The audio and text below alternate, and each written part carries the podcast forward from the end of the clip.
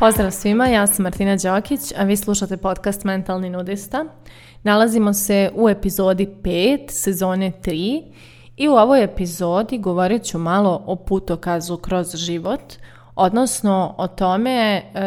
da li vam je jasno šta vas vodi kroz život. Zato što ono što je činjenica je da nas često mm, nisu učili ni u školi, ni u osnovnoj, ni u srednjoj, nigdje šta treba da bude neki osnovni putokaz ili neki osnovni kompas našeg života, nego negdje e, svi smo mi tako čuli neke formule, neke, neka uputstva šta ide za čim, završiš osnovnu, ideš u srednju, završiš srednju, ideš na fakultet, nađeš posao, radiš ovo, radiš ovo i kao pratili smo se nekim tim putokazom. Ali onda se često desi, i to vidim dosta, ovaj, mislim i mojih klijenata je dosta takvih, e, koji su, ono, postigli su sve to što je bilo po formi, normi, postavljeno kao neki pravac i onda su sad došli do tačke da žele da saznaju šta njih još to uzbuđuje, a da nije iz tog domena koji su ispoštovali e, formalno, odnosno šta su sad neki njihovi iskreni istinski ciljevi koji su pomalo možda i ludi i otkačeni, ali koji će ih učiniti ispunjenijima i zadovoljnijima nego možda ovo do sada što, što, što, što su tu gdje su stigli ili šta su do sada uradili. I negdje, da kažem, to je sve prirodno, jer kao što rekoh, niko nas nikad nije učio kojim kompasom da se vodimo i čime da se vodimo u životu, ali je jako važno osvijestiti šta smo mi to tako sami za sebe izabrali kao putokaz, a da nismo možda to ranije osvijestili ili nismo toga bili, nismo prosto razmišljali o tome. Znači, svi mi imamo neki putokaz, nešto, neki, neki kompas koji koristimo. E sad samo je pitanje šta je taj kompas. Nekome je taj kompas... E, samo da ne ide u pravcu nečega što će učiniti da se on osjeća na taj taj način loše. Znači izbjegavanje neke nevolje. Nekome je kompas uh, uh, osjećaj samo da se osjeti što, što sigurnije, da ne radi ništa što ga dovodi u opasnost njegov osjećaj sigurnosti. Um, nekome je kompas da se dobro provede, da ide u pravcu svoje, svog uzbuđenja, da prati sve ono što ga radi Nekome je kompas da ide u pravcu e, ne znam, nečega što će, ga, što će se čuvati njegovo zdravlje, jer je nekad mu je bilo ugroženo zdravlje, pa sad sve što radi, radi samo da mu zdravlje bude dobro. E, nekom je kompas porodica, sve što radi, radi samo da ostane blizu porodice ili da sačuva dobru konekciju sa porodicom i tako dalje i tako dalje. Znači, svi su neki svoj kompas sebi izabrali, svjesno ili nesvjesno i samim tim dosta odluka i dosta poteza u životu vuku po tom nekom kompasu. Ali samo je sad pitanje šta je taj kompas i da li je da li nam služi, da li služi našem rastu, da li služi našem napretku, da li služi tome da se osjećamo srećnije i ispunjenije nego ranije ili nam prosto taj kompas ograničava rast, jer ako je, na primjer, to pokušaj da se zaštitimo od povrijeđenosti ili ranjivosti, onda je to kompas koji nam stalno ograničava rast, jeli? To, taj kompas je onda da se sakrijemo od potencijalnih emocionalnih Eh, tegoba. E, tako da svašta može biti kompas, a ja ću vam evo ispričati neki moj. Eh, ja nisam, jeli, kao mlađa znala šta je to što mene vodi, ali sam vrlo nekako osjećala u sebi eh, šta mene uzbuđuje i radi i osjećam ispunjenom, a učini, čini se osjećam ispunjenom, a šta me negdje guši, E, zatvara i nekako čini da se osjećam izgubljeno, ograničeno, nedovoljno, nesigurno i tako dalje. I ja sam nekako prilično rano osvijestila kakav je osjećaj kada sam strastvena oko nečega, a kakav je osjećaj kakva sam ja kada nešto moram, a nisam oko toga strastvena. I e, negdje kada sam upisala prvi put fakultet, koji nije bio ni blizu onoga što sam ja željela,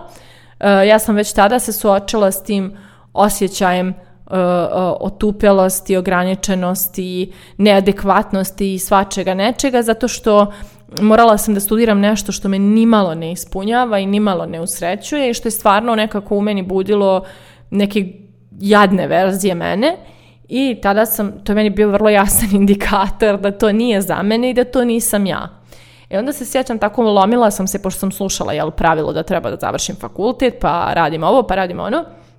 Ja sam pokušavala nekako da sebe na silu natjeram da, da studiram to, međutim to je meni stvarno loše išlo, jer nije me zanimalo ni najmanje. I onda sam e, u nekom trenutku počela da pišem za neki portal tekstove i tako sam se dobro osjećala. To je bilo moj teren, da se izrazim kreativno, da pišem na neke teme, da ovo, da ono. I tu sam počela da se vraćam toj nekoj sebi koja se dobro osjeća i radi nešto što je zanima i oko čega je strastvena. E onda sam e, nedugo nakon toga postala dio ekipe koja je reosnovala ISEC u Banja Luci, studentsku organizaciju i tu sam se tek ponovo susrela i došla u kontakt sa svim nekim stvarima i temama koje mene uzbuđuju i koje, oko kojih jesam strastvena i koji su meni probudili toliko neke fenomenalne verzije mene i toliko me aktivirale i pokrenule e, sve te neke ljudi, stvari i projekti i što nešto, da sam ponovo vidjela sebe u nekom prelijepom izdanju. I onda mi je uvijek taj moj unutrašnji osjećaj bio nekako jasan pokazatelj da li sam na dobrom mjestu ili sam skrenula u neku pogrešnu uličicu u kojoj ne pripadam – i to ili idem u suprotnom smjeru autoputem, što je bio zapravo fakultet, ali studiram sve vrijeme, godine dajem u nešto što, što me čini beskrajno nesrećnom, znači to je doslovno vozim suprotnom smjeru autoputem, znači nije čar, mali čarsokak, nego nešto jako krupno. E, I kako se zove, e, ja sam onda negdje tada počela, jel da spoznajem, jeli, ovo jesam, ovo nisam, samo meni je trebalo hrabrosti da ja napustim fakultet za koji nisam, za koji osjećam da nije moje, moje polje. Ali, sam, ali mi je ISEC tu baš dosta davao ovaj, prostora da vidim kakva sam ja kada sam u svom nekom najljepšem izdanju. I ja tada nisam bila svjesna eh, šta je to što mene vodi kroz život. Sada kada se bavim ovim čime se bavim, ja znam da su to bile moje vrijednosti i da eh, oni konteksti i ona polja u kojima su moje vrijednosti mogle da se izraze u tim poljima sam ja bila presrećna, a u onim poljima koja nisu u skladu sa mojim vrijednostima, ja sam bila duboko nesrećna. I kažem to, tada ja nisam znala šta je to, ja sam samo znala taj unutrašnji osjećaj i tu verziju sebe koju vidim. Ali nekada davno je tu postao jeli, moj kriterijum donošenja odluka. I onda, na primjer, kada sam imala poslove svoje prve u Beogradu, ja sam tačno znala da osjetim trenutak kad ja tu ne pripadam tu gdje radim i kada je to čime se bavim zapravo nije, nije to to, kao nije to ona stvar što mene uzbuđuje do kraja. Imaju neki dijelovi toga koji mene čine srećnom, ali ne sve i kao, kao da ne gađa neku suštinu koja je meni bitna. Kao opet kažem, tad nisam znala šta je to. Sad znam da taj ti poslovi nisu imali vrijednosti koje su meni važne i onda sam uh, davala otkaz i onda kada nisam sigurna šta ću dalje sa svojom karijerom, ni, ni gdje ću, u kom ću pravcu, ali sam morala da nađem to nešto u čemu mi se sviđa verzija sebe koju vidim. I onda bi sam se tako tražila, tražila, tražila i našla sam ovo što danas radim. Uh, a ovo što danas radim sadrži u sebi vrijednosti koje su meni važne, to je doprinos, to mi je jako bitna vrijednost, da to što ja radim doprinosi nekom poboljšanju, promjeni, napretku, nečemu, što evo i ovaj podcast radi, kroz vaše poruke to često saznajem, čitav moj, ovaj, moji proizvodi koji imam zaista podržavaju ljude da promijene svoj život, da ga unaprijede i tako dalje. dakle da negdje sve što ja radim ima taj segment doprinosa. Drugo, rast. Rast mi je neopisivo bitan i em ja rastem kroz ovaj posao tako što radim sa različitim ljudima koji me inspirišu i challengeuju i svašta nešto, a s druge strane e,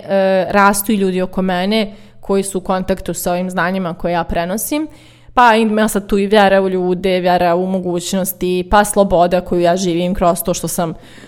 sama svoj gazda, ali pa sama sebi određujem kad šta mogu ili ne, mislim određujem sebi sve dane, vremena, termine, sve što želim. Tako da ima sad tu jako kreativnost isto koju živim i kroz ovaj podcast i kroz razne neke druge stvari. Tako da negdje puno nekih mojih vrijednosti je sada implementirano u ovu moju karijeru i ja sam zadovoljna time šta ova moja karijera budi u meni. Odnosno, sviđa mi se verzija mene koja je inspirisana, motivisana, eh, ima, no, ima stalo neke nove ideje koje želi da, da ostvari i tako dalje. I to je ono što je moj kompas. I zaista e, u mnogo nekih stvari u životu, ne u svemu, ali u dosta toga, baš mogu da primijetim, aha, ovdje sam ja koja je neka, da kažem, ovdje je neka verzija mene koja je super, koja sija, aha, vidi, ovdje je neka verzija mene koja se osjeća duboko nezadovoljno i nesrećno i koja na neki način propada. I to je moj unutrašnji kompas. Znači, moje vrijednosti su moj unutrašnji kompas. Sad je jako važno negdje razmisliti šta je, šta je kod vas vaš unutrašnji kompas. Ja znam primjere ljudi, pa i u mojoj porodici, e, da unutrašnji kompas, na primjer moje majke, bio da se stvori sigurnost, da postoji, znači da ja sam završim fakultet i nađem siguran posao i sve što je ona radila u usmjeravanju mene bilo je u tom spravcu da ja nađem siguran posao i da ja imam dobru platu, jer je njen kompas u roditeljstvu bio da ću ja na taj način steći neku sigurnost